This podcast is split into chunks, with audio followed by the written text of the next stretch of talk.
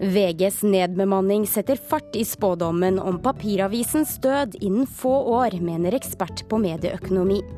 Nordisk råd satser på samisk film. Nå vil de ha Sverige og Finland med på finansiering av et internasjonalt samisk filminstitutt.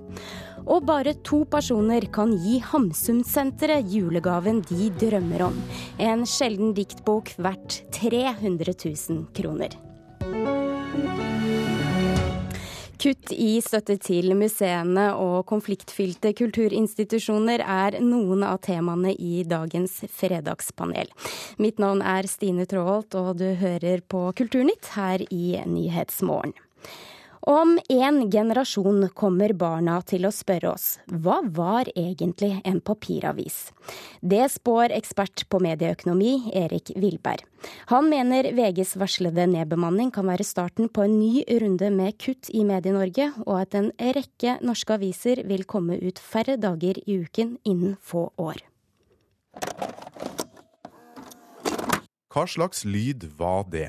Du skal få høre den en gang til. Er du fremdeles i tvil, får du svaret helt til slutt i denne reportasjen, som skal handle om dette. Rykende fersk avis til morgenkaffen er vi nok mange som tar for gitt, men å få favorittavisa nesten hver dag, det blir det mindre av veldig snart. Det mener førsteamanuensis ved Handelshøyskolen BI, Erik Wilberg. Det er klart at avisene har en tung kostnadspost i trykk og distribusjon. Hvis den kostnaden skal overveltes på stadig færre eksemplarer, så blir det jo dyrt etter hvert. Og da vil vi nok se i løpet av en to-tre års tid at enkelte aviser vil måtte eh, bite i det sure eplet og gå ned i antall utgivelser per uke. Jeg deler jo hans analyse.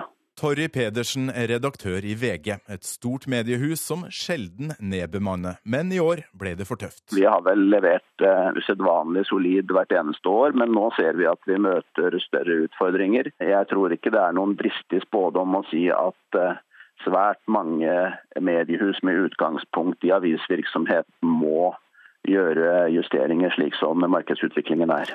Altså VG er jo selve flaggskipet i Avis-Norge. og det er jo gjerne slik at Når de får problem, så er det et eh, signal om at eh, det er andre også som eh, kan ha det litt vanskelig. Det sier professor Arne Krumsvik ved Høgskolen i Oslo og Akershus. Han tror også en del aviser må kutte i antallet utgivelser i uka fremover. Kanskje også løssalgsavisa VG. Nå ser det ut som at de har fått seg noen nasestyvere. Jeg er ikke sikker på om de tjener penger hver dag de kommer ut i dag. Så dette her er noe som de regner nøye på. Tilbake til lyden vi starta med. Er du ung nok til at du ikke husker denne lyden av en VHS-videospiller? Kommer kanskje ungene dine igjen til å måtte spørre deg hva man egentlig brukte papiravisa til.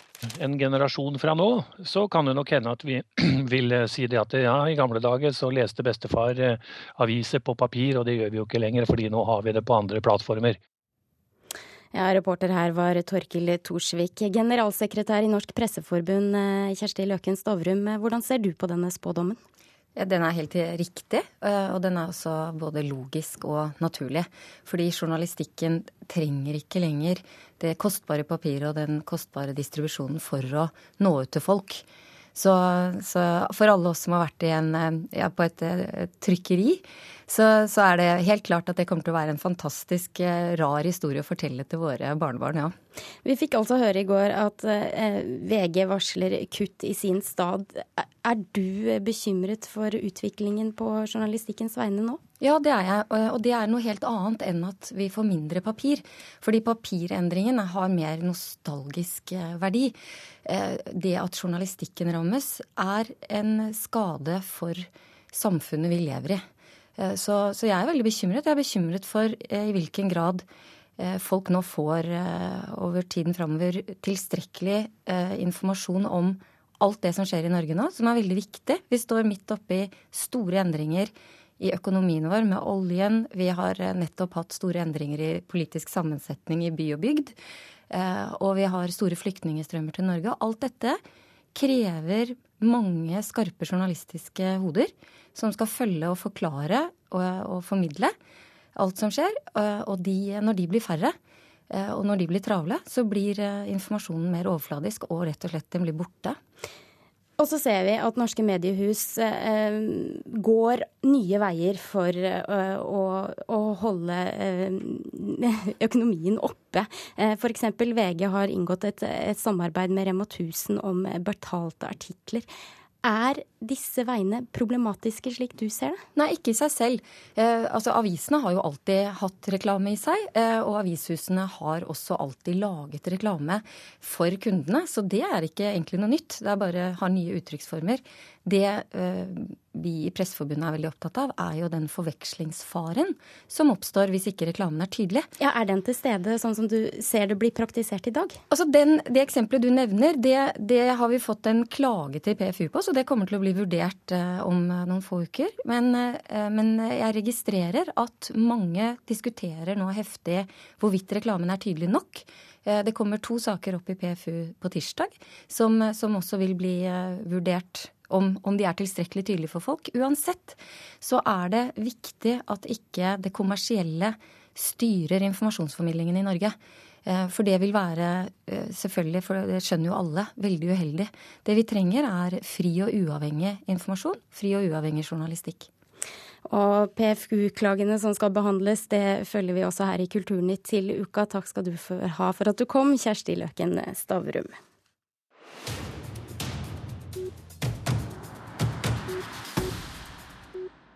Nordisk råd vil ha økt satsing på samisk film. Til nå så er det kun Norge som har vært med på finansieringen av et internasjonalt samisk filminstitutt i Kautokeino. Et enstemmig kulturutvalg i Nordisk råd vil nå også at Sverige og Finland blir med på denne finansieringen. Og det kan bekreftes av Torgeir Knag Fylkesnes fra SV, som er rådsmedlem. Samisk eh, filminstitutt i Kautokeino har jo vært en kjempestor suksess, og de har eh, jobba over hele det samiske området, også i Sverige og Finland. Og da er det på tide nå at eh, også Sverige og Finland bidrar. Og det er jo det Nordisk råd nå signaliserer at de skal gjøre. Vi er ikke her for å lage bråk. Vi vil bruke landet etter hevdvunnen rett. Samisk språk overalt. Selvfølgelig! Selvfølgelig! Kortfilmen Elos Sápmi, en av mange samiske kortfilmer, finansiert av Internasjonalt samisk filminstitutt i Kautokeino. Instituttet ble etablert i 2009 og finansieres av Kulturdepartementet og Sametinget. Instituttet har siden starten også støtta samisk filmproduksjon i Sverige og Finland. Derfor mener kulturutvalget i Nordisk råd at svenske og finske myndigheter også bør være med på finansieringa. Slik kan man styrke det samiske filmmiljøet ytterligere, mener Torgeir Knag Fylkesnes. Det foregår jo nå en veldig spennende utvikling på urfolkfeltet når det gjelder film. Og det å bruke film, det audiovisuelle, som en motor for eh, en urfolksatsing, og i det tilfellet her en samisk satsing, har vist seg også tidligere vært en veldig god måte å jobbe på. Vi husker jo alle Veiviseren og hva det har betydd for det samiske prosjekt. Så, eh, og nå foregår det lignende type ting i eh, samisk filmmiljø miljø. Veldig mange spennende unge eh, filmskapere som er på vei. Og det å bidra til dette her vil, eh, vil kunne løfte det samiske eh, til nye høyder. Internasjonalt samisk filminstitutt ledes av Anne Laila Utsi, som lenge har kjempa for at også Finland og Sverige går inn med penger. Det her kommer til å altså Hvis vi nå får gjennomslag og støtte fra Nordisk råd, så, så betyr det flere ting. For det første så så er det jo med på å liksom eh, virkelig få, gang, få, etablert Filminstituttet og få driften på plass og få flere ansatte. Eh, men det hjelper oss jo også imot det målet som vi jobber for å, å få eh, si, nordiske midler til samiske spillefilmer og TV-serier. Så det her, er, det her, kommer til å være helt avgjørende. Både for Samisk Filminstitutt og fremtiden for samisk film. Et enstemmig kulturutvalg i Nordisk råd går altså inn for at både Sverige og Finland skal være med i finansieringa av det samiske filminstituttet. Saken behandles i Nordisk råd i Reykjavik i neste uke.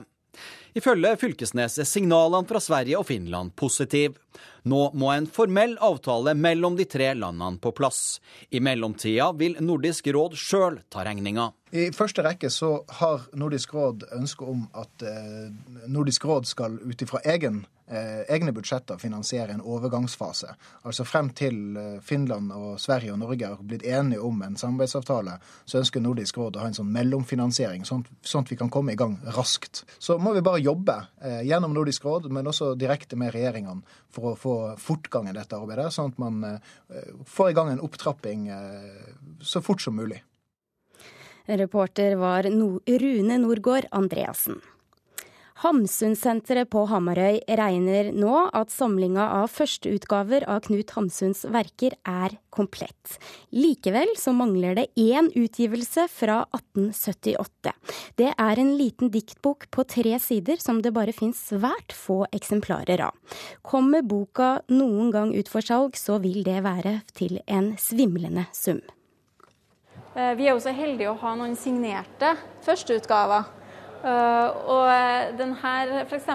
i Eventyrland fra 1903, hvor vi både har en som er usignert, som du kan se her. Men så har vi en også som han, eh, Knut Hamsun har signert sjøl, og der står det 'Min siste bok'. Jeg har mange utskrevne. Knut Hamsun. Direktøren ved Hamsunsenteret, Bodil Børseth, viser stolt frem samlinga av førsteutgaver som de har fått inn til senteret. I løpet av 72 år ble det et trettitalls originalutgivelser. Det hele starta med en da ukjent tenåring som i 1877 fikk gitt ut en kjærlighetsfortelling. Boka er veldig veldig sjelden. Det sier seg sjøl at den er vanskelig å få tak i. Og man tror at det bare finnes 20-25 eksemplarer av den i dag. Og så vi er jo veldig glad for å ha en av de hos oss. Knut Pedersen Hamsun, som han kalte seg på den tida, kom med tre utgivelser fra 1877 til 1878, blant annet Bjørger. Når den kom, så regna vi samlinga vår for eh, komplett. Men det finnes enda en utgivelse. Et gjensyn fra 1878. På Hamsunsenteret ser de på muligheten å få den i samlinga som ren utopi. Det er bare noen få kjente eksemplarer av boka, som er et dikt på tre skrevne sider. Det forteller antikvarbokhandler Fredrik Delås. Et eksemplar eh, finnes i tidligere var det vel Universitetsbiblioteket, nå Nasjonalbiblioteket. Og eh, to eksemplarer finnes på private hender hos eh, samlere. Slike eksemplarer skifter sjeldent eiere, og de få gangene de er på markedet, er det snakk om svimlende summer også for et dikt på bare tre sider. Jeg vet at et eksemplar har vært omsatt for 750 000 for, for noen år til, tilbake. Vi er veldig glad for eh, gaver og donasjoner, så hvis det noen føles ekstra raus eh, til jul i år, så tar vi mer enn gjerne imot. Reporter i denne saken var Helge Lyngmo. Du hører på Kulturnytt, og nå er klokken 16 minutter over åtte. Og dette er de viktigste nyhetene denne morgenen. Hat og rasisme var trolig motivet bak skoleangrepet i Sverige, sier svensk politi. Skolen i Trollhättan er stengt i dag, og den tekniske etterforskningen pågår for fullt. Saudi-Arabia tjener stort på norske bankkunder. Den saudiske sentralbanksjefen eier aksjer i DNB og for over 2,2 milliarder kroner. På Vestbredden er en israelsk soldat knivstukket, melder nyhetsbyrået AFP. Mannen bak knivstikkingen ble skutt og drept, opplyser den israelske hæren. Her i Kulturnytt så er det klart for ukens fredagspanel, i dag med Bente Eriksen, direktør ved Nobels fredssenter, Kjell Lars Berge, professor i tekstvitenskap ved Universitetet i Oslo, og Karen Kristine Blågestad, kulturredaktør i Fedrelandsvennen. Og først i dag så skal vi snakke om norske kunstmuseer. For nylig så gikk museumssjef i Århus Erlind Høyersten ut i Aftenposten. Han hevdet at norske museumssjefer oppfører seg som administrasjonssjefer og ikke kreative kunstneriske ledere. Og at norske museer vil bli bedre om, stat, om de kutter støtten fra staten. Flere tok til motmæle her i Kulturnytt, bl.a. Audun Eckhoff i Nasjonalmuseet. Og vårt første spørsmål da til eh, Fredagspanelet i dag er faktisk ikke et ja- eller nei-spørsmål. Det er rett og slett hvem har rett, Høyersten eller Eckhoff? Begynner med Bente Eriksen. Ingen av dem. Kjell Lars Berge. Eckhoff. Karen Kristine Blågestad. Ja, begge har litt rett, men Eckhoff har mest rett. Får begynne med deg da, Karen Kristine, med oss fra Kristiansand. Ja, jeg syns jo eh, ikke at man skal kutte i støtten til museene. Eh, da vil jo museumsdirektørene bare bruke enda mer tid på å hanke inn private midler, som jeg ikke er så sikker på fins i stort nok monn der ute. Men jeg syns at Høyersten har et veldig godt poeng når han sier at museumsdirektørene i dag er for mye forvaltere og byråkrater. Det er ikke så veldig mange direktører i Norge som er synlige i samfunnsdebatten. Er dere det? Spørsmålet var vel om vi var kreative og ikke synlige i samfunnsdebatten. Um, og ja, jeg tror faktisk de er kreative, men de er lite kreative når det gjelder finansiering. Og vi snakker jo ikke egentlig om at det er museumsdirektørene som skal uh, gå ut. Det er jo andre ansatte også i museene. Men at det finnes en mild puritanisme innenfor norsk museumsverden når det gjelder privatfinansiering, det tror jeg. Men jeg syns det er dårlig å si at uh, museumsledere ikke er kreative. Altså Jeg ser det jo litt mer utenfra enn Bente Eriksen, som kjenner den sektoren fra innsida på en helt annen måte enn meg. da. Som Fra min side sett så er det vel pussig å tro at finansieringen, at den kommer fra staten, skal ha noen påvirkning på hvordan kvaliteten på ytringskulturen i disse museene er. Det tror jeg ikke noe på. og det er en lang tradisjon i Norge for at staten støtter kunstnere. Jeg mener helt tilbake til Ibsen og sånne folk. og Jeg tror ikke han ble så veldig påvirka at Stortinget ga penger. Så det syns jeg er tøysete å komme med og snakke om kommunisme og sånn som Høyresten gjorde. Det syns jeg er helt på jordet. Men på den annen side, ikke sant, han har jo et poeng der også i det at dette med forvaltningsaspektet, og det kjenner man jo litt fra en del klåfingre av norske statsråder i kultur. Altså at de liker å tenke forvaltning mer enn å tenke ytringskultur. Altså at vi trenger og det bør være sånn at det er press på de som forvalter disse institusjonene, også at de deltar i samfunnet og samfunnsdebatten. Og der er jeg helt enig, altså. Men hadde det blitt kutt til museene nå, så må man jo tenke annerledes. Og det slipper man så langt. Men det er jo ikke så veldig mye Det er ikke noe som tyder på at det er så veldig mange private midler i omløp i det norske samfunnet som kulturen kan hooke. Sponsingen i Norge går først og fremst til sport og til veldedige formål. Jeg, og dette er jo litt regjeringspolitikk, da, at de skal ha en frihetsreform og eh, man skal kutte i den statlige støtten. Løsrive eh, kulturlivet. Men jeg, jeg, kan ikke se at det er noen åpenbare alternativer. Jeg må også si at man er veldig sårbar når man baserer seg på støtte fra næringslivet. For i det øyeblikket situasjonen blir sånn som den er i Norge i dag, at det er problemer for næringslivet, vel, så trekkes pengene ut. Samtidig må jeg si at jeg beundrer Høyesten for det han har klart på sitt museum når det gjelder økonomi. Men eh, på Fredssenteret så har, er, har, jo dere begge deler, Bente ja, Eriksen. Og det gir oss handlefrihet, det gjør det. Og vi har klart en ganske stor andel sponsorer. Samtidig, jeg, jeg er styreleder for Er det tørke der ute som går det vi bare til sport? Vi merker ikke så godt, men vi har altså en av Norges mest kjente merkevarer, da. Fredsprisen, som, som vi kan få støtte til gjennom å få støtte til Nobels fredssenter. Mens små museer rundt i Norge f.eks., de har jo ikke samme muligheten til å få private sponsorer. Det er helt klart. Men dette er jo et kjempepoeng. Dessuten så er jo norsk næringsliv skrudd sammen litt annerledes enn det svenske og danske. Det må vi jo heller ikke glemme.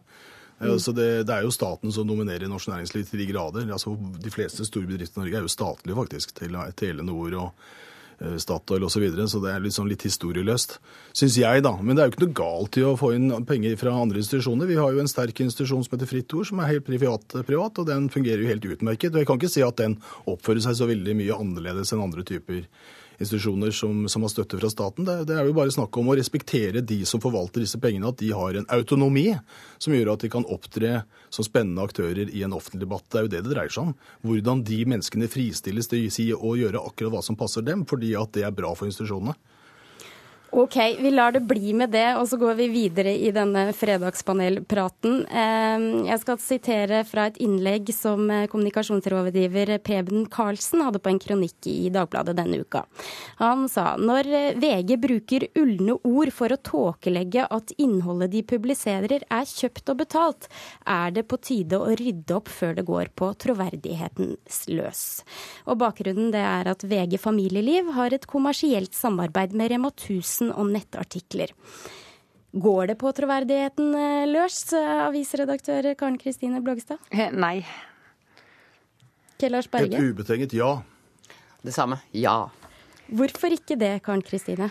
Nei, fordi at journalistikk har vært sponset uh, lenge. Og veldig mange flotte mediehus i hele verden har uh, tung sponsing inne, og det går ikke på troverdigheten løs. Men det er jo klart at uh, dette er et problematisk område, og at det er eh, noen nye grenser som må trekkes, og at eh, dette har etiske eller presetiske utfordringer som absolutt bør debatteres. Og veldig mye handler jo om å merke stoffet godt nok. Tydeliggjøre skillet mellom det redaksjon rene redaksjonelle stoffet og det som er eh, sponset. Ja, Dere to andre her som svarte ja, har dere mista tillit til VG? Jeg syns at dette er en sak for Forbrukerrådet. Dette er jo implisitt reklame, og jeg fatter ikke at en avis som med respekt for seg selv kan begynne med det. Altså, De har store problemer med å skaffe penger, de også. som og, og, det er blitt digitalisert. Vi har gener flere generasjoner med unge som har vent seg til at alt er gratis. og det er klart at Skal man ha tillit blant oss som betaler for disse avisenes journalistikk, så, så kan de jo ikke drive med å samarbeide med med, med, med, ulike typer av butikker for at de skal på en måte bidra til stoff eller indirekte få reklame for sine produkter, det er helt uakseptabelt og vil ødelegge troverdigheten til pressen fullstendig. På lengre sikt, i hvert fall. Ja, jeg føler meg i hvert fall provinsiell, som uh, Torry Pedersen sa om Preben Karlsen. Jeg føler meg puritansk. Ja takk, jeg vil gjerne ha et skille. Jeg vil vite at det jeg leser, ikke er betalt lesning. Og jeg vil vite veldig tydelig. Ja, må avisene bli litt flinkere til det, eh, Karen Kristine Blågestad? Å merke sånn at det blir tydelig nok for leserne ja, hvor skillet går her? Ja, det syns jeg jo er helt eh, maktpåliggende når vi skal begynne å leite etter nye inntektskilder. Og så syns jeg jo at eh, jeg blir nesten litt provosert når jeg sitter i media og hører folk eh, ta så lett på, syns jeg, den krisen som media er i. Og samtidig med at vi nå sitter og diskuterer eh, VGs eksperimentering med å finne nye inntektskilder, så vet vi at i går så fortalte VG at de må nedbemanne. Mange andre mediehus har måttet nedbemanne, og må nedbemanne i framtiden som kommer. Vår finansieringsmodell rakner. Vi må leite etter nye måter å tjene penger på. Og det handler jo ikke om å ha eh, Altså, vi skal jo selvfølgelig ha en troverdig journalistikk i framtiden også, men den må finansieres. Journalistikk er dyrt, og vi må tjene penger. Men kan vi egentlig stole på eh, f.eks. norske aviser når de har så tette bånd til eh, eh, kommersielle aktører, at de også vil lage kritiske saker da, på f.eks. Rema 1000? Vi har jo hatt annonser fra Rema 1000 i årtier, og NRK har jo sponsede sportssendinger og sponset journalistikk. En diskuterer jo ikke troverdigheten til NRK, selv om eh, sponsingen er tung. Så det er en vei her som er farbar, og som er en mulig eh, vei for norske medier. Men men noen grenseoppganger. Vi må kjenne, fram, kjenne, oss litt fram på hvordan vi skal merke stoffet, tydeliggjøre det skillet. Men et skille har vi hatt i avisene og i mediehusene i mange år mellom det redaksjonelle og det kommersielle, og det skal vi klare i framtiden også, helt sikkert. Tida flyr, så vi må snart bytte tema, men er det noe alternativ for avisene kjapt? Eh, sånn Nei, altså det, jeg er helt enig med at eh, dette med krisen for hvordan eh, disse avisene og for så vidt medier generelt finansieres, er alvorlig. Vi er nødt til å ha en kritisk, uavhengig journalistikk i et demokratisk samfunn.